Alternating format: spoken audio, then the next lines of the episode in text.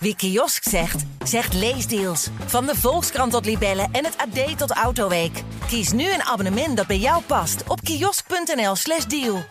Waar ga je heen met de ondernemer onderweg? Naar Nieuw Business Radio. Experts in zakelijke mobiliteit geven hun visie. Twee wekelijks op dinsdag om 11 uur in het nieuwe radioprogramma De Ondernemer Onderweg. Stel, je hebt een van de allermooiste autocollecties van de wereld. Die staat fraai te glimmen in een prachtig modern museum waar je vele duizenden mensen per jaar ontvangt.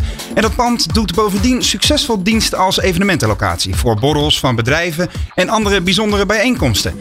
En dan komt de coronacrisis.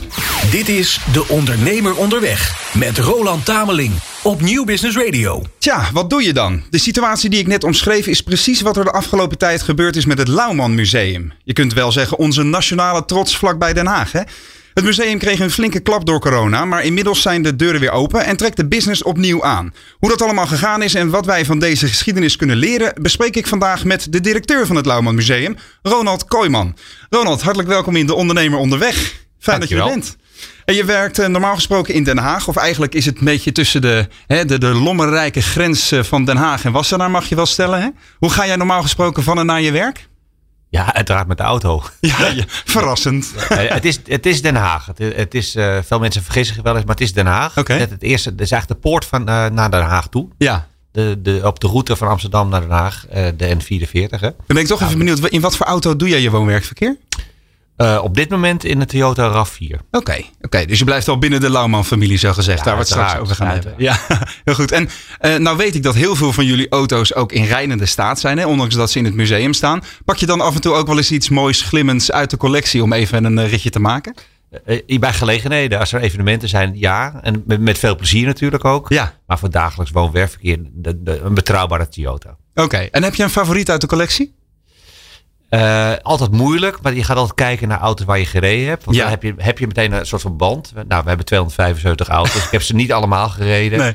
Maar ik heb uh, een, een, BMW 328 uit 1936. Die heb ik vaak gereden. Dat is wel een hele fijne auto. Je krijgt dan een speciaal plekje in je hart, hè?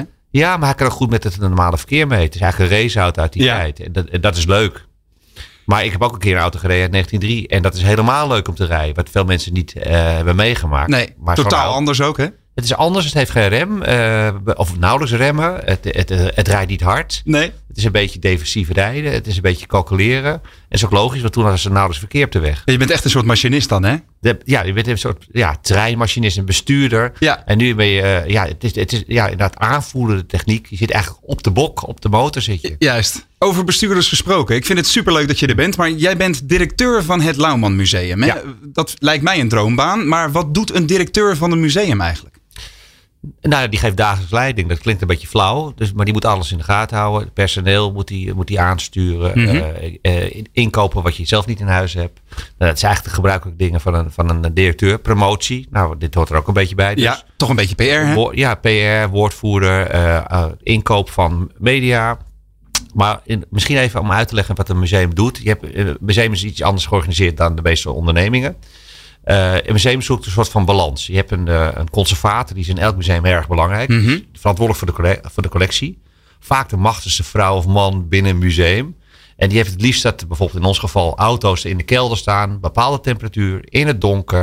En dan blijft het behouden voor de toekomst. Mhm. Mm -hmm. Dat is de rol van de conservator. Ja. En dan heb je een, een zakelijk directeur. En die moet geld verdienen. Maar ze kunnen eigenlijk niet zonder elkaar. Die zakelijk directeur wil eigenlijk die auto's zoveel mogelijk voor het publiek openstellen. Zoveel mogelijk geld ermee verdienen. Ja. En dat is die rol. Dus het, en daar zit eigenlijk een conflict.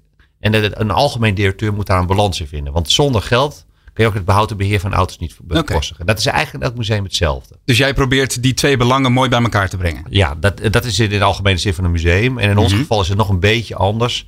Uh, wij hebben niet echt een conservator. Dus dat is ook een deel van mijn taken. Ook dat is ook je achtergrond, ja. Uh, ja, maar ook een beetje van de heer Lauwman zelf, hè, de initiatiefnemer van het museum. Mm -hmm. Dus we doen dat samen. Uh, maar er moet ook geld binnenkomen. Ja, nou goed, de, dat is mijn rol. Juist. En wat is dan jullie belangrijkste bron van inkomsten? Wat is de kurk waar jullie op drijven? Uh, entreegelden, nog steeds. Toch wel? Uh, ja, er wordt wel gezegd zakelijke bijeenkomsten. Je haalde het ook al aan. Mhm. Mm -hmm. Met borrels, uh, we doen congressen. We doen ongeveer 400 zakelijke bijeenkomsten per jaar. Even als referentiejaar 2019. Dan, hè? ja, toen het nog goed ging. Toen ja. het nog goed ging. Ja. Een derde van de omzet komt uit zaalhuur. Okay. En twee derde komt grofweg uit, uh, uit tickets dus. En zou je dan zeggen dat je meer ondernemer bent of meer bedrijfsleider? Uh, nou, ik denk daar bedrijfsleider. Ja, wat is het verschil? Ondernemer is. Uh, nou, ik denk ondernemer, want het is een beetje hoe je, hoe je doet, hoe je het invult. Nou, laat ik het anders stellen. Uh, hoe zorg jij dan dat, die, dat het museum zo goed mogelijk draait? Nou, door, door met, met een, een kleine club mensen zo efficiënt mogelijk te werken, zoveel mogelijk te bereiken, door, door, nou, nou, door mensen binnen te halen. Mm -hmm. En dat moet je niet vergeten. Dus ik, ik voel mezelf meer ondernemer.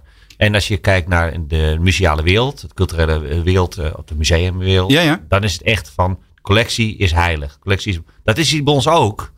Maar je kan het een niet loszien van het ander. En cultureel ondernemerschap wordt veel over gesproken. En wij doen het echt. Wij doen het echt. Ja, je zegt een kleine club. Hoe klein is die club? Wij werken uh, met 13 uh, uh, vaste krachten. Ja. dat is 11,4 FTE's, als ik het goed zeg. en 80 vrijwilligers. Ja, dat is toch best een behoorlijke, behoorlijke club waar jij voor staat dus. Ja, maar als je kijkt in de, in de museumwereld is dat een hele kleine uh, organisatie relatief. Want Ja. wij hebben 160.000 bezoekers per jaar. Dus we zijn zeker geen klein museum. Uh, als je naar, naar wat, dat is wat graadmeter altijd, hè, hoeveel bezoekers je hebt. Ja, Klopt niet helemaal. Want, maar het is één op één ook niet te, te vergelijken met elkaar, denk ik. Uh, hoe bedoel je één op één? Uh, Nou ja, in de zin van uh, je kunt het niet vergelijken met het Rijksmuseum, om maar eens wat te stellen. Nee, dat, dat pak je met een wel een van de mooiste musea natuurlijk in Nederland, of het belangrijkste musea. Mhm. Maar waar je, wat, wat wel belangrijk is, die, de bezoeksaantallen zijn belangrijk. Ja. Veel musea zijn ook afhankelijk voor een groot deel van subsidies. En die bezoekersaantallen is er wel bepalend ook voor de, voor de hoogte van subsidies. Want okay. zeggen, ja, moet je kijken, ik doe voldoen aan de behoefte. Ja, Ik heb zoveel bezoekers, dus er is echt wel ja, belangstelling voor onze collectie en on, ons erfgoed. ja. Maar bij ons is de bezoekersaantallen in zoverre belangrijk. De omzet is eigenlijk belangrijker. Ik, ik heb liever, uh, bij ons kost een kaartje uh, vol tarief 16 euro. Mhm. Met 160.000 bezoekers. Ik heb liever uh, dat dan 200.000 bezoekers met een 3 euro vol tarief. Precies. Dus het gaat eigenlijk, zijn die bezoekersaantallen, ja, enigszins leidend, maar niet alles. Nee. Niet alles bepalend. Dus in die zin zit er wel een, een zakelijke benadering in dat je, dat je zoveel mogelijk mensen voor een fatsoenlijk tarief binnen wilt hebben. Precies, liefst, ja. tarief. Ja, dat snap ik ja. En uh, dan ben ik heel erg benieuwd naar uh, wat jullie nu doen en wat jullie allemaal nog meer gaan doen. Maar ik ben eerst ook eventjes heel erg benieuwd naar de afgelopen tijd. Want die coronacrisis heeft er dus, wat ik al zei, behoorlijk ingeklapt bij jullie. Wat zijn de effecten geweest? Nou, die zijn, uh, die zijn groot. Uh, eigenlijk staan we daar niet alleen in. Want de rest van Nederland heeft ook mee te maken gehad. We mogen ook maar gebruik maken van steunmaatregelen, de NOW-regelingen. We maken ook uh, gebruik van fondsen uit de culturele sector. Mm -hmm. de, van het ministerie van OCW. En dit wordt dan, zeg maar, de, de, scherprechter is dan het Mondriaan-fonds. Die kijkt van, maak je echt wel verlies? En heb je het echt wel nodig? nou, dat, dat, is evident dat je verlies maakt. Ja, ik wilde net zeggen. Dat, de omzet is gewoon nul. Ja. Gewoon nihil. Want uh, op een gegeven moment die maatregelen werden aangekondigd. Ja. Wat doet het dan met jou als, als leidinggevende van zo'n club? Nou, ik kan goed herinneren dat, uh, dat de eerste lockdown uh, was aangekondigd vrijdag 13 maart. Vrijdag Kijk, 13e. Nou, dat moet zo, zijn. Zo hè? met rood omcirkeld in de ja. agenda. En ja. die de horeca, misschien kun je nog herinneren. Op zondag daarna ging de horeca pas dicht. Sterker nog, uur. ik zat in een Chinees restaurant in Rotterdam. En toen zeiden ze, ja jongens, leuk en aardig. Willen jullie ja. het meenemen? Je moet er voor zessen uit. Ja, precies. Dus die dag vergeet ik ook niet snel meer. Maar... Verbaast me ook niks. maar dat klinkt een beetje flauw. Maar ik weet wel dat, dat, dat die, uh, uh, dat werd aangekondigd. Dat was de eerste dag. En op donderdag werd er, was er een persconferentie. Om vier uur s middags.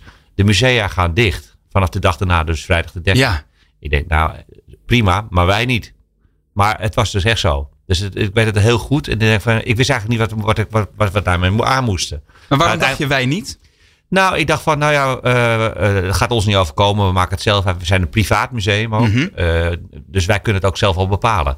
Dat is natuurlijk niet. Maar op een gegeven moment, een beetje common sense. En s'avonds hebben besloten, we moeten het ook niet doen. Ook wij hebben een naam hoog te houden. Ook wij moeten ons conformeren aan de richtlijnen. Ja. Maar dat was wel een beetje de opportunisme vanuit onszelf. Van, dat gaan we je, niet doen. Heb je hiervoor een actieplan klaar liggen voor dit soort scenario's? Nee, totaal niet. Nee? Dus de afspraak was ook van, uh, morgenochtend allemaal op mijn kantoor. Dan gaan we kijken wat we gaan doen. Hoe gaan we ermee om okay. met die situatie? En toen was er, ja, we, we kunnen niet open. Maar we hebben nog zat klusjes te doen in het museum, als ik maar zo mag zeggen. We hebben uh, allerlei dingen op de, op, op, de, op de rol staan. Groot onderhoud. Mm -hmm. uh, je kan heel makkelijk vitrines schoonmaken bijvoorbeeld. Dat hebben we gedaan. Dus alles uit de vitrines. We hebben heel veel uh, grote kunstcollecties, als je weet. Ja. wat niet veel mensen weten, dat bij de Automuseum ook een hele grote kunstcollectie zit en heel veel prachtige affiches. Nou, dat was een ideale kans om alles eruit te halen, schoon te maken en weer terug te zetten. Maar goed, daar ben je dan een paar weken mee bezig en dit duurde natuurlijk vele maanden. Iets, ietsjes langer. Ja, we wisten, toen wisten we nog niet hoe lang het zou duren. Nee, precies. Dus we begonnen gewoon en op een gegeven moment dachten we, nou, dat kunnen we ook nog doen. We hebben ook een vliegtuig uh, in een van de hallen hangen. Mm Dan moet je de hoogwerk van naar binnen uh, rijden. Dan moet er een halve collectie opzij geschoven worden. Dat doe je ook niet als er bezoekers binnen zijn. En toen we wisten dat we langere tijd zouden sluiten, of niet ja. open zouden zijn voor het publiek, was eigenlijk de ideale kans om dat te doen. En we bestaan nu nou, elf jaar en iets langer nu inmiddels. Ja. dus het was ook nodig om dat weer een keer te doen. Dus, dus dat soort dingen hebben we gedaan. En ook verbouwingen hebben doorgevoerd. Ehm, die al een beetje in de planning staat. Die we nu eigenlijk zonder storen van, uh, van, van mensen ja. en alle rust konden uitvoeren. Dus dat hebben we gedaan. Maar dan nog, ik krijg van heel veel ondernemers terug van joh, je kunt nergens op plannen. Je kunt geen lange termijnvisies uitrollen. Je kunt geen strategie bepalen. Hoe doe je dat? Nou, dat was ook het uh, verhaal. We gaan, laten we eerst maar eens het groot scho schoonmakeronderhoud doen. Wat we, al, wat we al gepland hadden ergens. Ja. Dat was klaar. Hè, we zijn nog dicht. nou, dan kunnen we ook dan mooi dat doen. Ja. En, dus steeds kwamen er klusjes. Uh, en dat, eigenlijk hebben we dat wel redelijk kunnen vullen. bijna het hele team is, uh, is gewoon doorgegaan. Met uitzondering van de evenemententak. Dus er zijn, uh, in mijn geval zijn er drie dames die daar mee bezig zijn. Mm -hmm. En die zaten thuis te werken. Die deden wel wat. de bestanden scholen, DTB's op orde brengen. Dat soort dingen. Ja. Maar dat is niet fulltime was dat bezig zijn. En zijn er dan nog punten, daar gaan we het straks even over hebben, die je aan het denken hebben gezet tijdens die stilstand? Van dit moet en kan anders als we straks weer open zijn? Uh, nou, eigenlijk niet zozeer, want we waren eigenlijk wel succesvol. We waren goed bezig. Uh, het is meer van hoe gaan we dit herstellen dat we weer terugkomen op het niveau van 2019. Ja. En, en dat, ook dat was niet helemaal zeker. Van, gaan, wat, wat, wat, het, het, uh, het nieuwe normaal wordt altijd gezegd. Mm -hmm. En wat is het nieuwe normaal? Ik weet nog steeds niet wat het nieuwe normaal is. Jij wil heel graag terug naar het oude normaal, begrijp Ja, het oude normaal. En wij hebben natuurlijk wel iets uh, dat je niet online kan doen. Je wil de collectie zien. Mm -hmm. wat, we, wat we wel gedaan hebben, is een virtuele tour door het museum. Dus meer met de website uh, laten zien wat we hebben als we weer open zijn. En dat doen de meeste musea ook. Hè? Zodat het publiek in ieder geval warm blijft. Precies. precies. Mm -hmm. En wel ook met, uh, met veel met social media, heel actief, filmpjes ja. maken. Dat hebben we gedaan. Maar dat is niet heel anders. Maar dat hebben we wat intensiever gedaan. Omdat we toch ja, niks anders te doen hebben. Zeg, klinkt wat flauw. Ja. Maar je moet ook in beeld blijven met mensen. Het is exact. net een vliegtuig. Je moet hem niet laten zakken tot op de grond. Want het kost dus heel veel energie om op te stijgen. Ja. Als je enigszins laag in de lucht hangt, kan je, weer snel, kan je snel de lucht in. Zolang de motor maar blijft uh, lopen, om het zo te zeggen. Ja, het is ook wel een waanzinnig museum om te bezoeken hoor. Uh, maar achter de schermen, dat hoor je al, komt er dus veel meer bij kijken dan het neerzetten van wat fraaie bolides en het schenken van goede koffie. Maar wat dan precies, daar gaan we het straks verder over hebben. Altijd onderweg van A naar business. Experts geven hun visie over zakelijke mobiliteit in het nieuwe De Ondernemer Onderweg. Twee wekelijks op dinsdag om 11 uur met Roland Tameling. Ja, vandaag praat ik in De Ondernemer Onderweg met Ronald Kooijman, de directeur van het Lauwman Museum in Den Haag. Uh, Ronald, we bespraken net al even dat jouw functie veel meer is dan uh, het zijn van gastheer en autogek. Hè? Want je bent verantwoordelijk voor de bedrijfsvoering van het museum, Annex Congrescentrum. En voor het re realiseren en uitvoeren van de strategische beleidsplannen. Zag ik tenminste in jouw bio op LinkedIn. Ik denk zo, dat is best een, uh, best een mooie omschrijving. Uh, maar wat is jouw eigen achtergrond eigenlijk? Uh, ik ben bedrijfskundige. Ik heb bedrijfskunde gestudeerd aan de VU in Amsterdam. Ja. En daarna ben ik gaan werken bij de RAI in Amsterdam. Met allerlei beurzen georganiseerd. Alles op wielen, zeg maar. Hè. Dus de, de, de, de, niks is er meer over, zowat, van, van al die beurzen. Toen het nog autorij heette, Ja, zeg maar. autorij, bedrijfsrij, motorrij, kampeer- en caravanrij. Voor mij bestaat het allemaal niet meer. Nee. Uh, en ook watersport. En, uh, en een van de leukste beurzen, en dat is ook de, waar ik bij het museum mee begonnen, is de, was de klassieke autorij. Uh, dat hebben we twee keer gedaan in de rij. Dat was Ja. niet zo succesvol in financiële zin. Dus we hebben de stekker uitgetrokken. En toen kwam ik in contact met de heer Lauwman. En die had allerlei plannen. eh, die heeft hij met mij gedeeld. Toen werd ik enthousiast. En, en eigenlijk, eigenlijk kwam het op neer. Hij wilde een museum bouwen eh, voor zijn collectie. Ja. Die al prachtig was. En die collectie bestaat ook al heel lang. Ja. Eh, en dat vond ik zo mooi. Dus ja, dat wil ik doen. En toen ben jij general manager geworden, toch? Van de collectie in eerste Ja, toen heette het general manager. Maar feitelijk is het niet anders dan wat ik nu doe. Nee. Maar wat je net zegt over die, die, ehm, die evenementen, dat borrelt meteen een vraag op in mijn systeem. Mhm, Waarom hebben wij geen eh, groot nationaal autofeest bij het Langman Museum elk jaar? Begrijp ik ook niet. Nee. Maar eh, zonder gein, is dat iets Nou, wat, wat, wat- je zou willen? Dat, dat zou ik best willen. Ik zeg, ik zeg heel flauw. We hebben wel de Automotive, Automotive Innovation Award bijvoorbeeld. Dus Ja. Wat wij vooral doen als eh, congrescentrum, wij faciliteren. Wij organiseren niet zelf. Mhm. Dus wij doen niet de content.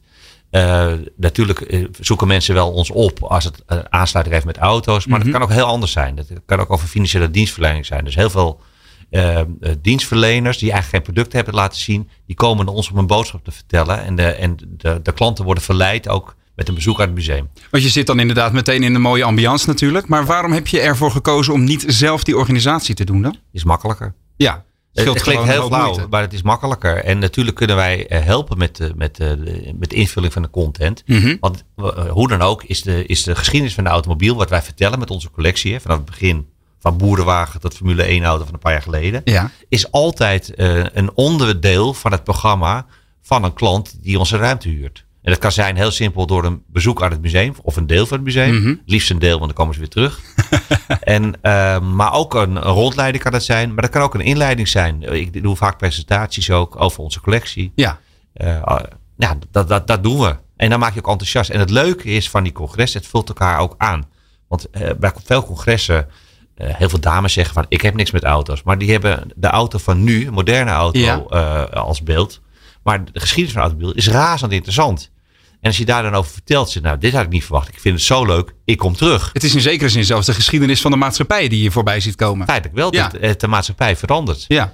En de- de- als je dat vertelt, en, eh, dan, dan gaan de ogen open en zeggen, ja, maar dit is interessant. Ik moet terugkomen. Precies. Dus, Met vrouw en ki- of man en kinderen in dit geval dan. dus die ja. mensen worden dan verleid door het congres. Ja? En die komen terug als losse bezoekers, zou ik zo maar zeggen. Maar andersom ook. Mensen die bezoek komen, die zeggen, hé, hey, wat leuk. Ik kan hier ook iets organiseren voor mijn bedrijf. Mhm. Dus het zijn een beetje communicerende vaten. En wat zijn dan jouw doelen met het museum? Het doel is om, om het verhaal te delen. De collectie in stand te houden. Dat is eigenlijk het allerbelangrijkste. Raison de van het museum. De collectie in stand houden. Dus dat is ons doel. Mhm. En, eh, en het verhaal te vertellen wat interessant is voor, voor iedereen. Nou, dat, dat is ons doel. Dat is ons hoofddoel. Ja. En de continuïteit ook waarborgen door entreegelden te krijgen. Om, om te kunnen doorstaan terwijl we over 200 jaar nog steeds bestaan. En hoe heb je je doelen dan eh, eh, eh, zogezegd in de praktijk gebracht tot op heden? Nou, door, het mooie is, we zijn onderdeel van een sterke financiële groep. Mhm. Dus er was ook geen, geen haast. De Lauwman groep? De Lauwman groep, precies. Er was ook geen haast. Wel zo om het zorgvuldig te doen. En dat doen we ook. En we zitten nu op 160.000 bezoekers. Ja. Ik denk dat het plafond uiteindelijk ligt rond de 185.000. Oké. Eh, en eh, dat is mijn doel om daar naartoe te groeien. En dat als een soort stabiele, ja, kritische massa te, te houden. En hoe doe je dat dan zorgvuldig? Nou, dat- door te bouwen, niet overhaast. Je kan een, eh, een hele dure eh, collectie inhuren, invliegen en presenteren als tentoonstelling. Mhm. Maar dat is dan heel erg ad hoc. Maar het is gewoon, de mensen moeten meer bewust. Niet iedereen kent het Lauwman Museum nog steeds. We Nee. zijn wel nummer 25 ongeveer in Nederland. En Mhm. top 10 van Nederland qua waardering op TripAdvisor. Dus we doen het eigenlijk heel goed. En eh, dat is een soort olievlek wat uitdijt. En dat is eigenlijk veel stabieler als je zo langzaam die olievlek steeds groter wordt. En langzaam die bezoekers krijgt. Dan heel vluchtig iets scoren met een, ik noem maar wat, de, de Max Verstappen collectie bij wijze van Ja, ja, ja. Zou het wel leuk vinden. Maar het moet, het moet gewoon groeien. Dus je speelt niet zozeer in op de, op de hele korte actualiteit, maar je zorgt inderdaad dat je het grote, langer verhaal vertelt. Ja, precies. Dat is het belangrijkste. En de, natuurlijk helpen de, eh de, de tentoonstelling altijd voor herhaalbezoek. Dat Ja. is belangrijk. Ja. Of, of iemand te verleiden die nooit geweest is. Ja, maar dit moet ik zien. Dit is echt een buitenkant. En die ziet ook de vaste collectie. Mhm. Nou, een heel mooi voorbeeld. We hebben de glazen koets ooit gehad. Ja. Eh, ik probeer altijd ook te kijken naar, kunnen we een nieuwe doelgroep aanspreken? De glazen koets was eigenlijk de belangrijkste koets van de Koninklijke Stallen. Ja. Zat hoger in de pikorde dan de gouden koets. 46 jaar niet eh, gepresenteerd. Na Ja. 7 jaar restauratie voor het eerst gepresenteerd aan het Nederlands publiek. Mhm. En er waren heel veel wat oudere dames ook. Veel meer dan gebruikelijk in het museum. Dat was hartstikke leuk. Eh, die zijn natuurlijk fan van het Koninklijk Huis. Die kwamen kijken. Ja. En we kregen ook een artikel, wat is heel mooi borduurwerk in die glazen koets. En dan kregen we een artikel in het blad Handwerken. Als Ja. Lauwman Museum. Nou, Ja. dat vind ik mooi. Dus er komt weer een klein, grote, een klein groepje precies. erbij. Wat normaal nooit naar, een, naar het Automobielmuseum was geweest. Die komt ook bij ons nu. Ja. Dat is precies wat ik wil. Eigenlijk groeien naar die 185.000 mensen. Dus je gaat heel subtiel bekijken hoe je zoveel mogelijk facetten van jullie museum onder zoveel mogelijk eh, groepen onder de aandacht kunt brengen. Ja, precies. Als dat kan, hè. Ja. Want dingen komen ook met, zeg, met de tentoonstelling. Die komen voorbij. Mhm. Dus het is, het is meer uit je netwerk krijg je ideeën. Eh, Zandvoort is eh, nu voor het eerst dit jaar. Ja. We hadden vorig jaar toen we dicht waren, hadden we eigenlijk een tentoonstelling gepland van Formule 1 auto's die op Zandvoort hadden gereden. Dat was de actualiteit. Ja. En dat zit natuurlijk wel misschien in je hardcore eh, doelgroep. Ja. En de glazen koers kwam voorbij omdat het 200 jaar koninkrijk was. Juist. Dus, dus ja, inspelen op de actualiteit. En toch kijken ook of die groep van, van, van mensen die naar het museum kunnen komen, of die sessies groter kan worden. Mm -hmm. En je gaf net al uh, aan, jullie zijn een onderdeel van een hele grote familie. De Lauman Groep, ja. onder andere importeur van Toyota en Lexus. Ja. hele grote dealer holding zit erachter. Jullie doen nog veel meer zakelijke dingen, ook op mobiliteitsgebied. Hè? Hoe is het voor jullie om, um, om ten eerste onderdeel te zijn van zo'n grote familie? En hoe past dat Lauman Museum daarin? Nou, het, het, is heel prettig omdat je niet uh, bang hoeft te zijn dat je sluit in, de, in deze coronacrisis. Uh, los even van de steun die we ook van de overheid krijgen. Omdat je vooral die financiële achtervang hebt. Precies. En de groep maakt ook gebruik van onze faciliteiten. Dus binnen de landbouwgroep worden ook natuurlijk veel meetings georganiseerd. Of de Jaris Cross was recentelijk nog gepresenteerd. Nieuw model. Een nieuw Toyota. model ja. van Toyota. En die werd dan gepresenteerd in het Lauwman Museum. En voor consumenten komen er dus ook naar het Lauwman Museum. Dus Lauwman als groep is dus feitelijk ook een sponsor. Ja, ja. Het, uh, en dat, dat is één, dat, dat is fijn. Um, dan heb ik even je vraag kwijt. Nou, in de zin van hoe jullie ja, passen binnen die groep. Ja, de, wij, wij vullen aan op de groep. Want Lauwman is natuurlijk een merknaam ook. Ja, ja. En vroeger was Lauwman als naam nog niet zo bekend. Het Lauwman Museum was er wel. Maar als importeur Lauwman en Pekier werd eigenlijk nooit gecommuniceerd. Er werd altijd gecommuniceerd Toyota. Ja. En nu wordt Lauwman ook wel bekender. En wij vullen daar prima op aan. Ja, want het, het, is wel grappig. De vorige, zeg maar, het, de voorganger stond bekend als het Nationaal Automobielmuseum. Hè? Maar jullie hebben dus heel specifiek nu bewust gekozen voor de naam Lauwman Museum. Ja, even teruggaan hoe dat gegaan is. Want ja? uh, we, inderdaad heten we voorheen uh, Nationaal Automobielmuseum. De collectie is gestart in 1934. Uh, de, de, de firma Lauwman en Paki, nog steeds bestaand dus. Ja. Bijna 100 jaar dus inmiddels. Hè. begon met Dodge. Ja. Dodge automobielen. Nou, die werden, werden uh, nou, gedistributeerd. Dus werden ingekocht en uitgevent. Het is niet zoals het nu gaat. Hè. Mm -hmm. Ingekocht op het moment dat er een, een orde tegenover staat. Nou, toen werd het gewoon echt uitgevent. Uh, een hele belangrijke Dodge, een van de eerste Dodges uh, uit 1914. die, die had allerlei accessoires, was echt een publiekstrekker. Had een bumper. Een auto uit, uit 1914 met een bumper. Dat, dat was toen nog niet standaard, ja. En een stuurwiel wat je kon verplaatsen. Kon je naar boven schuiven en dan stapte je in en trok het naar je toe. En dan kon je rijden. Nu de normaalste zaak van de wereld, maar toen... Maar toen echt iets heel bijzonders. Ja. Die auto werd neergezet in de showroom. Trok meer publiek. Die auto is gelukkig nog steeds in de collectie. Soms kwam een klant met een inruiler. Ja. Dus zo is die collectie gegroeid. Met inruilers dus. Mm -hmm. En die eerste Dodge en inruilers. Daarna is er een grote collectie overgenomen in 1968. Dat was het Nationaal Automobiel ja. van de heer Riemer. Dus bij de IVA in Driebergen. De directeur, eigenaar was Geert Riemer. Ja die collectie is toegevoegd aan de collectie van Laumer, die behoorlijk uitgedijd was, hè, behoorlijk omvang had al. Mm -hmm. Ging samen en onder de noemer Nationaal Automobielmuseum gingen voor het eerst open in 1969 in Leidschendam. Ja. En wij hebben voor, daarna ging het naar 1980 naar Raamselsfeer. Precies. En nu zijn we voor het eerst los van de, van de Lauman groep. En uh, hebben we ook gekozen voor de naam Lauman Museum. Juist. En um, uh, jullie zijn nog even teruggaand naar de Lauwman Groep, opgericht in 1923 officieel. Hè? Dat ja. was dan echt het startpunt van de onderneming. En wat ik wel mooi vond op jullie website van de Lauwman Groep staat... we zijn klein begonnen, maar groot geworden door ondernemerschap en lef. Dan vind ik ten eerste wel even, ben ik even benieuwd, waar blijkt dat uit in jouw ogen? Als jij eh, als, als interne medewerker naar jullie organisatie kijkt. En tweede deel van de vraag, hoe breng jij dat zelf in de praktijk? Nou, dat je lef hebt, dat je museum begint überhaupt, dan heb je wel redelijk lef. Hoe bedoel je? Nou, als je uit, uit ondernemerschap of uit, uit economische uh, motieven moet je nooit een museum beginnen. Je kunt beter auto's verkopen, zullen we maar zeggen. Ik denk het, ja, of het nu is, dat weet ik ook niet. Maar ja, dat, natuurlijk. Het is meer ja. mobiliteit wat we verkopen nu. Dat is steeds breder. Mm -hmm. Maar als je een, een, museum moet je niet beginnen. Dat is, dat is, niet, dat is niet handig. Dus dat is, dat is lef. Ja. Wie begint, er zijn niet zoveel grotere private musea in Nederland. Dus daar blijkt dat wel uit. Uh, wat er ook uit blijkt over de, de ondernemerschap en lef en een familiebedrijf, is dat de familie ook echt betrokken is. Dus niet een stille aandeelhouder. Mm -hmm. De familie is echt actief.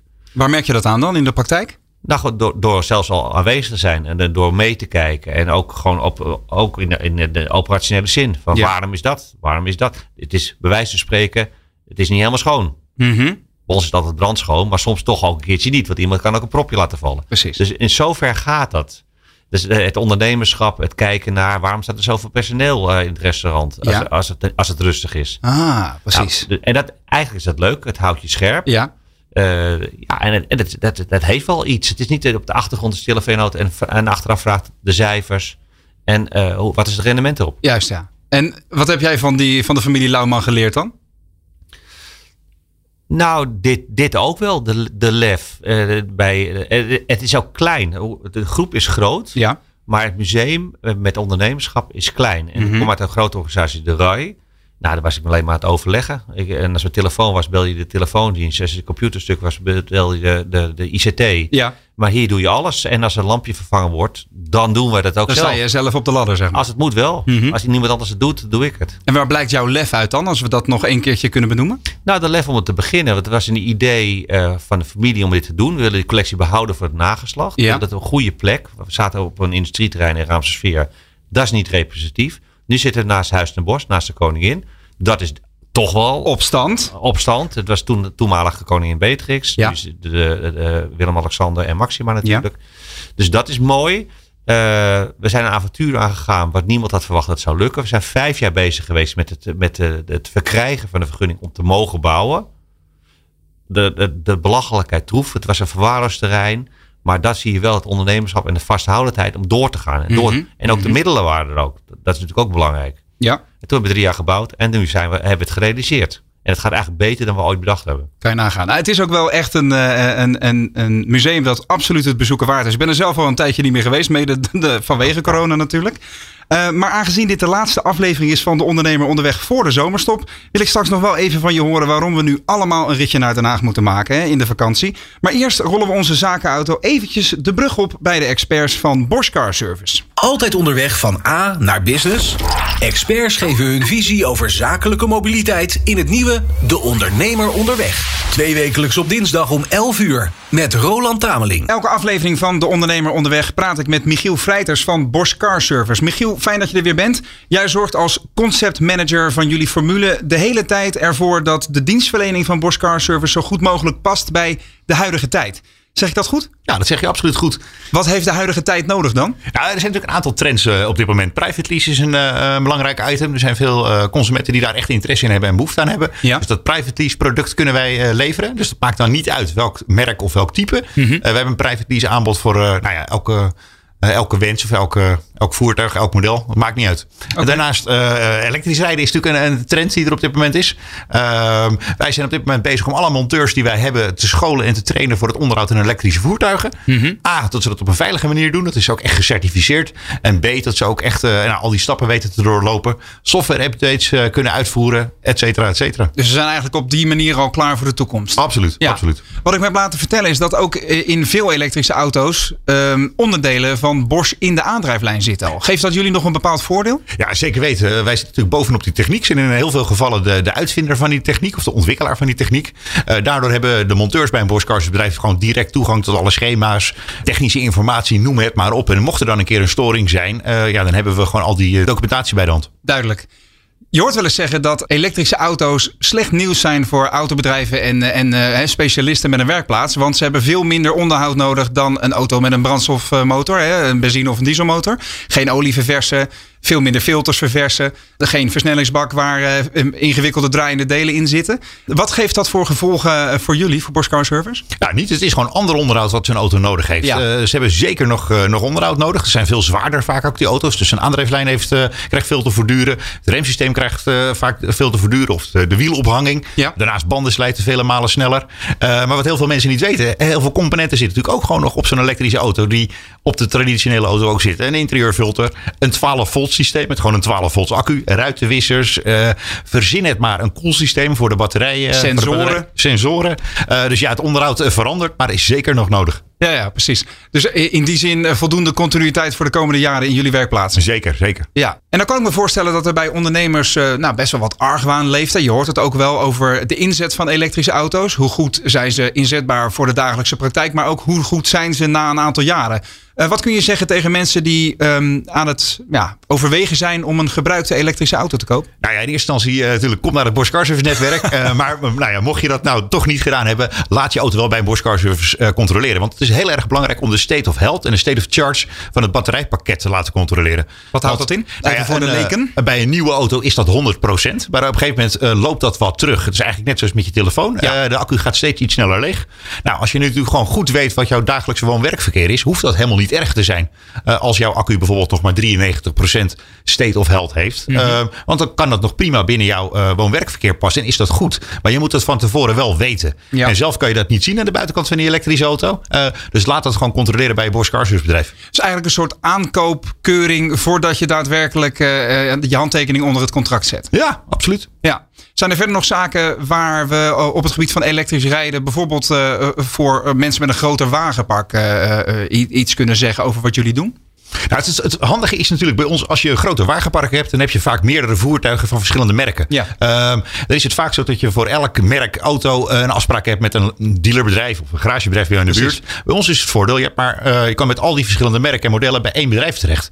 Uh, dat is denk ik gewoon verschrikkelijk makkelijk. Eén aanspreekpunt voor het beheer van jouw complete wagenpark. Ja, en nog één knuppel in het hoenderok. Even advocaat van de duivel. Ik weet dat er, eh, nou ja, zeker hè, elektrische auto's zijn relatief nieuw. Uh, de fabrikanten zijn ook een beetje aan het uitzoeken. Uh, teruggroepacties zijn relatief veel aan de orde. Uh, hoe gaan jullie daarmee om? Nou, op een hele makkelijke manier. Iemand die in onderhoud is bij Bosch Cars, dus laten wij natuurlijk nooit in de steek. Dus als zo'n auto ja, een teruggroepactie heeft, dan regelen wij in heel veel gevallen dat die auto terug naar de dealer toe gaat. Dat de teruggroepactie wordt uitgevoerd en hij komt daarna weer terug naar ons en dan geven wij hem weer aan de ondernemer. Kijk, wat, doe je dat toch soepel? Mooi hè? Ja, ik vond het lekker gaan weer. Dankjewel Michiel. Uh, ja, je hoort het al hè. Voor steeds meer ondernemers is elektrisch rijden niet alleen een wens, maar ook een must. Hè. Het begint steeds vaker voor te komen dat je bijvoorbeeld uh, als je, stel je bent een hovenier, dat je in de toekomst niet meer met je brandstofauto het centrum van een grote stad in mag bijvoorbeeld. Dan is het goed om te weten dat je ook dus in een auto of een bus op batterijen veilig en soepel op weg wordt geholpen en gehouden door de specialisten van Bosch Car Service. Hey, en Michiel, laatste dingetje nog. Wij gingen in een eerdere aflevering de weddenschap aan dat je van elke willekeurige plaats in Nederland maximaal een kwartier onderweg bent voordat je bij een Bosch Car Service vestiging eh, uitkomt. Nu ben ik er niet aan toegekomen om heel Nederland te checken, voor de duidelijkheid. Maar wat denk je vanaf mijn huis? In Rijswijk. Nou, dat moet toch zeker binnen de 10 minuten uh, moet dat lukken. Drie minuten. Kijk. Mits het verkeerslicht mee zit, zeg maar. Ja, dat zit heel, heel dichtbij. En de volgende Bosch Car Service is minder dan 9 minuten rijden. Dus dat is ook al heel netjes.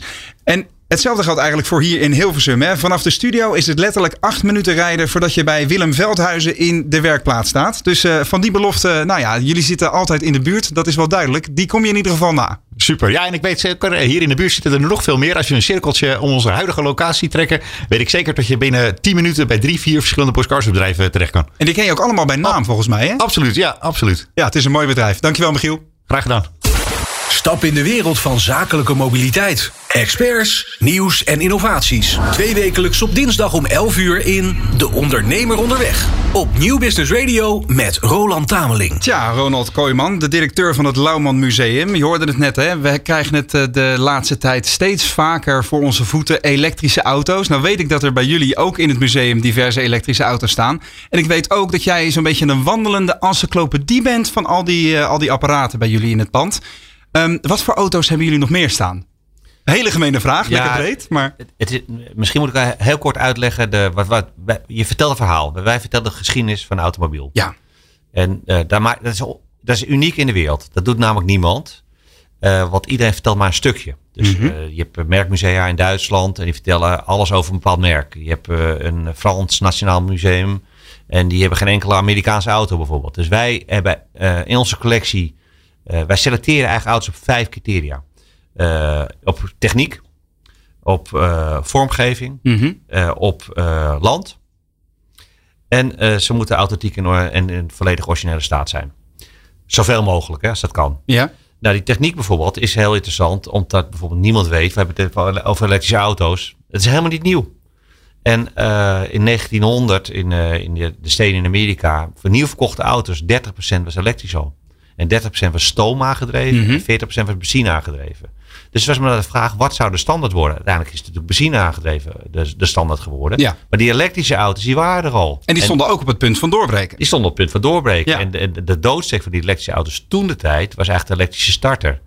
En het, het, het voordeel van een elektrische auto was namelijk dat je niet hoeft aan te Aan te slingeren. Dus je hand En- niet brak en dat en- soort dingen. Precies, en dat was ook heel populair bij dames. Hè? Want die kregen geen vieze handen. Die konden zelfstandig rijden. Er werd ook mee geadverteerd vroeger, hè? Ja. Van geen olie, dus dit is de ladies car. Ja, precies. Werd Op de dames ge- ook, ge- ge- werd het gepromoot. Eh, de, de elektrische starter maakte de benzineauto populair. Want de benzineauto had wel meer actieradius en meer power. Mhm. Dus dat maakt, en een beetje de lobby van de olieindustrie in Amerika, dat maakte het de standaard. Ja. Nou, dat vertellen we bijvoorbeeld. Dus de techniek, en die, we hebben 19 verschillende landen.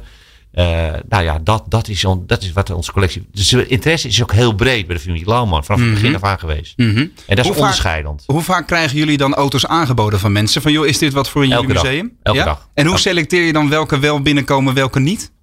Afgezien van die vijf ik, ik zal je eh, een voorbeeld geven. En Ja. ik denk dat jij zelf het antwoord ook kan geven op deze, eh, dit, dit aanbod. Dit is gemeen, hè, nu? Nee, nee, dat is gemeen. We kregen een Fiat Pan, eh, Punto aangeboden. Ja. En dat was een van de vijf witte auto's in Nederland geleverd. Ja, ja. Nou, ja, ja, ik heb nee gezegd. Ik zal je helpen. Ja, nou, ik denk, dit hoef ik niet meer met de heer Lauwman te bespreken. Om te kijken of dit een toevoeging is aan onze collectie. uh-huh. Maar als het een auto is, ik noem maar wat, de, de, de, de Benz patent motorwagen, die bestaat niet meer. Maar Mhm. stelt dat die toch ontdekt zou worden. precies. De eerste auto, of althans de eerste auto waar octrooi op aangevraagd. Ja, dan zouden we natuurlijk ja zeggen. Maar over die, die Punto, Ja. die, je hebt dan nee gezegd omdat die auto gewoon eh, niet bijzonder genoeg is. Nee, nou, het is ook wel grappig. Iemand biedt het dan aan. Ja. Dan vraag ik ook, bent u wel eens in het museum geweest? Nee, nog nooit. Ik zeg, nou, dat dacht ik al. Dus, eh, dus dan als, je, als had je hem ook niet aangeboden, Mhm. namelijk. Maar is er iets recents waarvan je wel ja hebt gezegd? Je Nou, denkt, ja, we hebben een, eh, een, een auto toegevoegd aan de collectie, collectie eh, niet zo lang geleden. Dat was de eerste hybride in de wereld, een Armstrong uit 1896. Nou, dat is echt een toevoeging. Een combinatie van een verbrandingsmotor en elektra. En Electra en het, het elektrische starter al. En het, het, dus nog voor Porsche, want het wordt altijd gezien als de eerste auto hè, met de hybride Mhm. aandrijving. Ja. Deze was eerder. Kijk, dat is een toevoeging. En dan zeg je, ja, dit is zo'n doorbraak toen al in 1896. Ja, die, dat is een kans, dat kan je niet laten liggen. Nee. Eh, Je, vertelde net al, de collectie is werkelijk enorm. Hè? Hij is feitelijk begonnen in 1934 al door die Dodge die Ja. eh, de, de oude P.W. Lauwman heeft, eh, heeft aangeschaft. En ehm, uiteindelijk is het dus eh, door collecties over te nemen. Het, eh, eh, de collectie van het Autotron hè, uit Rosmalen staat inmiddels bij jullie. Eh, verhuisd naar Ramsungsfeer, waar de importeur van eh, Toyota en Lexus onder andere zit, het hoofdkantoor. En toen dus verhuisd naar, eh, naar Den Haag. Als jij inderdaad die collectie moet omschrijven, hoe zou je dat doen? Eh, de, een, een, een, een afspiegeling van de geschiedenis van de automobiel. Dat klinkt wat flauw, want ik heb het nu geloof ik drie keer gezegd. Mhm, ja, ja. Maar dat is het wel. Kijk, die Autotron-collectie, dat waren 100 auto's. Ja, We hebben er 12 van overgehouden. En daar waren zeven spijkers bij. Kijk. En die, en die vijf andere auto's waren bijzonder genoeg om te laten zien. En die, vertellen, die helpen het verhaal te vertellen van de geschiedenis van de automobiel. Maar de rest je- hebben afgestoten dus. Kun je dat hele eh, verhaal dan vertellen met 275 auto's? Ja, dat kan je. Echt waar? Dat kan je. Eh, dus, dus die kan de- vormen van techniek- Natuurlijk zijn er uitzonderingen. Mhm. eh, wat je niet kan laten zien. Maar je kan grofweg dat wel, wel vertellen met die 275 auto's. En wat wij doen, als er soms een auto wordt aangeboden. Die eh, nog beter het verhaal kan vertellen. Dat gebeurt niet zo vaak meer. Ja? Dan wisselen we gewoon een auto. Oké. Dus dan, dan stoten we een auto af die er al stond. Mhm. En vervangen voor een auto die ons aangeboden is. En hoe intens is die concurrentie tussen internationale musea, automusea bijvoorbeeld? Eh, in Amerika heb je een paar hele grote natuurlijk. In, in Zweden weet ik, eh, zijn ook hele vooraanstaande de- de musea. Hoe gaat nou, dat? De, de musea valt wel mee. Je hebt een, in Europa heb je eigenlijk maar drie topmusea, vind ik persoonlijk dan. eh, die, die een beetje doen wat wij doen. Dus breed het verhaal vertellen. Ja. Dat is in Turijn is dat. eh Biscaretti of Mauto heet het nu. Melouse, dus het staat ook bekend als een beetje het Bugatti Museum. Mhm. Maar dat is nou bijvoorbeeld een museum wat geen enkele auto uit Amerika heeft. Dus die zijn altijd toch wel een beetje op een eigen land Ja, gericht. precies. Ja. Dat doen wij anders. Nou, dat vind ik een prachtige collectie. En in Duitsland vind ik persoonlijk het Mercedes Museum mooi. Mhm. Het vertelt het verhaal van Mercedes, wat ook razend interessant is. Maar het is wel gericht op, eh, op bepaalde merken. Mercedes, Benz en Daimler. ja. Dus het is ook heel beperkt, maar niet de breedte die wij vertellen. Dus En wij, ga je- onze collectie echt op, op top van de wereld. Dus de top drie, denk ik, van, van, van collecties. Juist om, vanwege die diversiteit. Ja, en er zijn hele mooie collecties, maar altijd op een stukje uit de geschiedenis. En Mhm. onze collectie is ook openbaar toegankelijk voor het publiek. En niet alle collecties zijn dat. Precies. Je gaf net al aan, het is belangrijk om mensen te blijven trekken met die wisselende exposities. Ehm, hoe bepaal je die exposities? Eh, door, eh, door de actualiteit te volgen. Door te, te, te kijken. Ik ben niet zo van de, van de jubilea. Dit- In dit geval, we doen nu 75 jaar Wegenwacht. Dat is een uitzondering. Ik zal Ja. er wel iets over vertellen. Ja? Maar, maar eh, de actualiteit bijvoorbeeld Zandvoort. Nou, daar kunnen we daar wat mee. En kunnen we het realiseren. En ook heel veel ideeën die stranden. Of nee, dat lukt niet, doodspoor. Mhm. Maar je, je, je, je niet op één paard. Dus, dus zo, zo doen we het uit je netwerk en, en, en schakelen. Schakelen. Ja, schakelen. Het is, het is inspelen op de actualiteit. Soms komt komen er dingen voorbij. Ja? Je vindt, nou, dat is een kans. Die mogen, we niet laten liggen. En waarom heb je dan nu bijvoorbeeld uh, ja gezegd tegen die expositie over 75 jaar wegenwacht? Want ik kan me zo voorstellen, jullie centrale hal staat vol met wat wegenwachtauto's en wat prularia. Even, dat, dat, dat klinkt negatief, maar ik bedoel het uiteraard. Ja, het is wel redelijk negatief. Uh, ja. Ik bedoel het uiteraard opbouwend, zo snap je. Uh, maar hoe, ehm, hoe bepaal je dan wel dat daar, een, dat daar een expositie van komt? Nou, de wegenwacht hadden we een jaar tegen gezegd, anderhalf jaar geleden. Die, die, kwamen toevallig bij ons. Ze zeggen, willen jullie dat, wil je dat faciliteren? Nou, dat willen we graag. En dat eigenlijk, eigenlijk wat, wat kwam bij elkaar? De Wegenwacht heeft positief imago. Heeft 4 miljoen leden. Ja. die maken gebruik van de Wegenwacht. Heeft een enorm bereik. Uh, ook qua communicatie. Dat, dat is best handig. Ja. Het was in het voorjaar gepland. Tot 15 april bestond de Wegenwacht 75 jaar. Mm -hmm. In de zomer had ik een andere tentoonstelling gepland. Maar ik kreeg de bruiklijnen ook niet uh, uh, op orde. Want een half jaar geleden hoef je niemand te vragen om een auto uit te lenen. Vanwege COVID. Ja. En dus de, de, oplossing was deze tentoonstelling door te schuiven naar de zomer. En dat voelt ook heel erg goed. Want juli, augustus zijn sowieso de drukke maanden. Maar Wegenwacht is echt nationaal. Ja. En de, de, meeste mensen die nu komen, zijn geen toeristen uit het buitenland. Het zijn allemaal dag, dagtoeristen uit Nederland. Dus aan alle kanten is het een prima tentoonstelling om het dit moment en dit jaar te, te, organiseren. Eigenlijk valt het best goed samen met de heropening, zou je kunnen zeggen. Dat is ook zo gepland. En soms moet je ook wel een, be een beetje geluk hebben. Mm -hmm. Uh, maar dit, dit voelde goed. Maar we hebben wel de laatste twee jaar uh, hebben we drie tentoonstellingen inmiddels afgezegd. Oké. Okay. En over die heropening gesproken. Wat merken jullie van de effecten sinds zeg maar, de, de, de restricties weer zijn opgeheven dat we weer naar musea mogen? Wat merken jullie? Ja, 5 juni gingen we weer open voor het eerst. Toen ja. waren de mondkapjes nog verplicht. Je moest reserveren. Uh, dat is nog steeds trouwens. Maar toen die mondkapjes uh, dat losgelaten werd, want die, als museum kan je twee dingen kiezen. Je kan sneltesten kiezen, uh, dat, je, dat je negatieve uitslag hebt. Mm -hmm. En dan, dan, dan uh, mag je meer capaciteit hebben. Maar ons museum is zo groot dat het eigenlijk helemaal niet uitmaakt. Dus wij hebben gezegd, wij doen dat niet. Wij kiezen ervoor dat de mondkapjes af mogen. We kunnen anderhalve meter afstand garanderen mm -hmm. met, met onze oppervlakte die we hebben van, van het museum. Want hij is in totaal 15.000 vierkante ja, meter. 15.000 vierkante meter. Dus echt en is voor mij de ene grootste museum in Nederland mm -hmm. qua oppervlakte.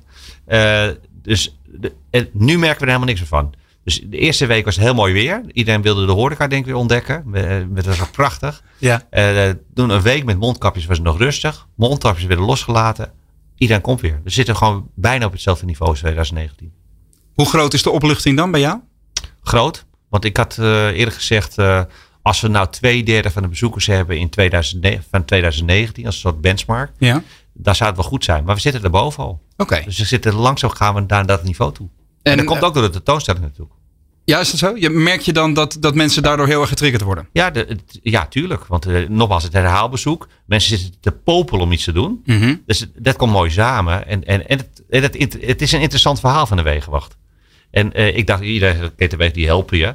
Maar de, hoe dat ontstaan is in 1946, dat is razend interessant. Het oude omgebouwde legermotoren, hè? In ja, er waren zeven, ze begonnen met uh, de, de, zeven zijspannen die ze van het Canadese leger hadden gekocht. Ja. En die hebben ze geel gemaakt. En daarna kochten ze Harleys. Nou, dat was een beetje een verplichte winkel neer, zou maar zeggen. Want je had de Marshall hulp, dus je mm -hmm. moest Amerikaanse motorfietsen kopen. En toen kwamen de BSA's en uiteindelijk de bestel eend. Dat ja.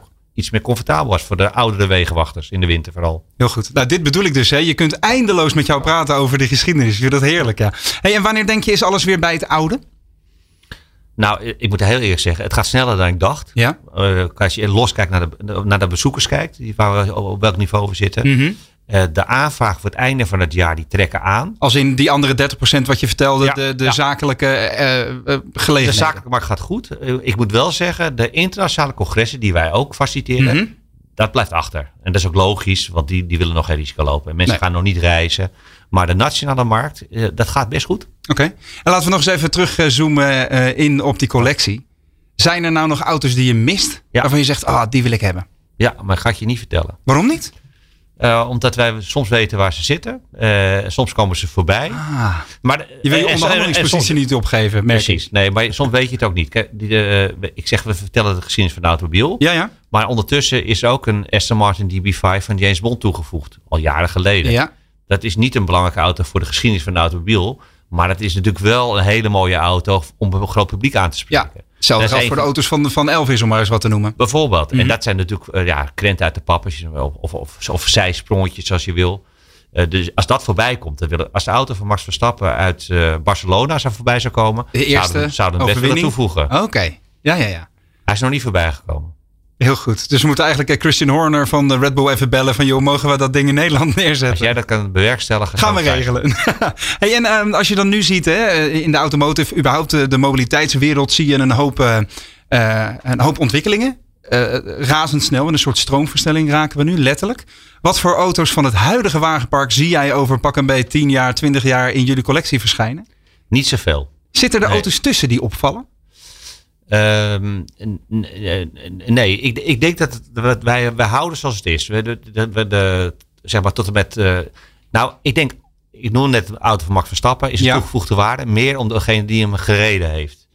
Maar als je kijkt naar een, een waterstofauto, is razend interessant. Mm -hmm. maar, maar, het valt niet binnen ons collectieplan, als ik zo mag zeggen. Wij houden een beetje op bij, bij 70, de jaren 70, de jaren 80. Dat okay. auto's nog van ver, verre afstand herkenbaar zijn. Ja. En voor ons is ook wel een criterium, als je nog op de weg ziet rijden een auto, hoef je hem ook nog niet toe te voegen aan je collectie oh, okay. in het museum te laten zien. Ja. Want wat, waarom zou je naar het museum dan gaan? Ja. Dus dat doen we niet. Maar als het, uh, ik noem wat, de auto van de Paus Mobiel. Ik vind die de mooiste. Maar als die zou voorbij zou komen, zou dat heel leuk zijn. Dus maar, het gaat meer om de persoon die hem rijdt. Of, of de betekenis van een auto. Precies. Dan te zeggen van we gaan nieuwe auto's die toch een beetje op elkaar lijken toevoegen aan de collectie. Maar hoe doe je dat persoonlijk? Ga jij dan met je opschrijfboekje en je catalogus in je achterhoofd het hele, het hele land en het, de hele wereld over om te kijken waar die apparaten staan en wat dan nog interessant is? Nee, nee er zijn nu heel veel. Uh, er zijn autoveilingen, internationale autoveilingen. Ja. Daar zie je wat voorbij komt. Dat geeft ook een goed gevoel over de markt, over de waardes ook van auto's. Mhm. Uh, daar komt soms een auto voorbij die interessant is om toe te voegen. Voor, voor ons verhaal. Ja, En uh, dat zijn geen Ferraris uh, uit de jaren 60 die uh, ongelooflijke bedragen voor, de, voor, voor worden betaald. Dat doen we niet. Mhm. Maar we houden het wel in de gaten. En natuurlijk zijn er stiekem wel een paar auto's die, we, ja, nou, die we graag zouden willen toevoegen. Juist. Ja, ja, je houdt het bewust nog even spannend. Nou, we hebben, we, we hebben wel eens een, een, autogroep zoals een Peel bijvoorbeeld. Dat Ja. is de kleinste auto ter ik, wereld. ik pas er niet in. Ja. Nou, met een beetje proppen misschien. Maar dat is een auto van, van, van nog geen meter breed Nee, en precies. 1,20 meter twintig lang. Dat is de kleinste auto ter wereld. We hebben ooit geroepen dat we die wilden hebben. We kregen aan alle kanten aangeboden. Nou, de bedragen die daar toen voor gevraagd werden, waren echt zo eh, ja, ja, eh, Exorbitant. exorbitant. Ja, dat we zeggen, dat gaan we helemaal niet doen. Maar dat zou wel leuk zijn om toe te voegen. Dus eigenlijk, het, het voegt niks toe om het te noemen. Ik snap het, heel goed. En eh, ik geef je nog een half minuutje om een soort pitch te geven aan de mensen die nu zitten te luisteren. De zomer komt eraan, vrije tijd. Ondernemers hebben ook even wat minder druk in de banden. Waarom moeten we naar jullie toe komen? Je moet naar ons toe komen vanwege de collectie met het verhaal. Je moet naar ons toe komen vanwege het gebouw wat er ook staat. Dat is een ontwerp van Michael Graves. Dat is heel bijzonder. Dat heeft de vorm van een oud landhuis. Eh, Met, met vleugels, dat waren de koetshuizen van vroeger. Mhm. In de koetshuizen stonden de paarden en de rijtuigen. En de auto is vervanging van paard en wagen. Dus dat is al mooi. Ook daar zit een gedachte achter. Daar zit een gedachte achter. Ja. Het zit in het landgoed van Marlot Rijgersbergen. Eh, kortom, het is, goed, het is goed bereikbaar. We hebben een parkeergarage, we hebben eigen bushalte. Is een halve minuut om? Ik geloof het wel, ja. maar goed, het is een overtuigend verhaal. Dankjewel, eh, Ronald Kooijman, de directeur van het Lauwman Museum. In voorlopig deze laatste aflevering van De Ondernemer Onderweg. In ieder geval eh, voor de zomer. Nog even een eh, geheel onafhankelijke toeristische tip dus inderdaad. Het is echt ontzettend de moeite waard om het museum te bezoeken. Ook als je geen grote autofan eh, bent. Na de zomer zijn we uiteraard weer terug. En mocht je deze laatste aflevering van dit seizoen nog eens rustig willen terugluisteren, dan kan dat. Elke aflevering van De Ondernemer Onderweg komt ook beschikbaar als podcast op alle bekende podcastplatforms. Wil je ondertussen meer interessante nieuwtjes en achtergronden over mobiliteit voor ondernemers? Houd dan ook vooral onze website deondernemer.nl in de gaten. Bedankt voor het luisteren. Graag tot de volgende. Geniet van je zomer en zoals altijd, goede reis. Mobiliteit en je bedrijf. Hoe combineer je dat duurzaam, comfortabel en kostenefficiënt? In het nieuwe radioprogramma De Ondernemer Onderweg geeft Roland Tameling ondernemers de juiste richting. Of het met de auto, motor, trein, bus of e-bike is. In elke aflevering geven experts hun visie over ondernemen, mobiliteit en alle innovaties die daarbij horen. En Bas van Putten presenteert van achter welk stuur dan ook zijn radiocolumn. Stem twee wekelijks op dinsdag om 11 uur op Nieuw Business Radio voor De Ondernemer Onderweg. Dit programma is terug te beluisteren via newbusinessradio.nl of via podcastkanalen als Spotify, Duke of Apple Podcasts.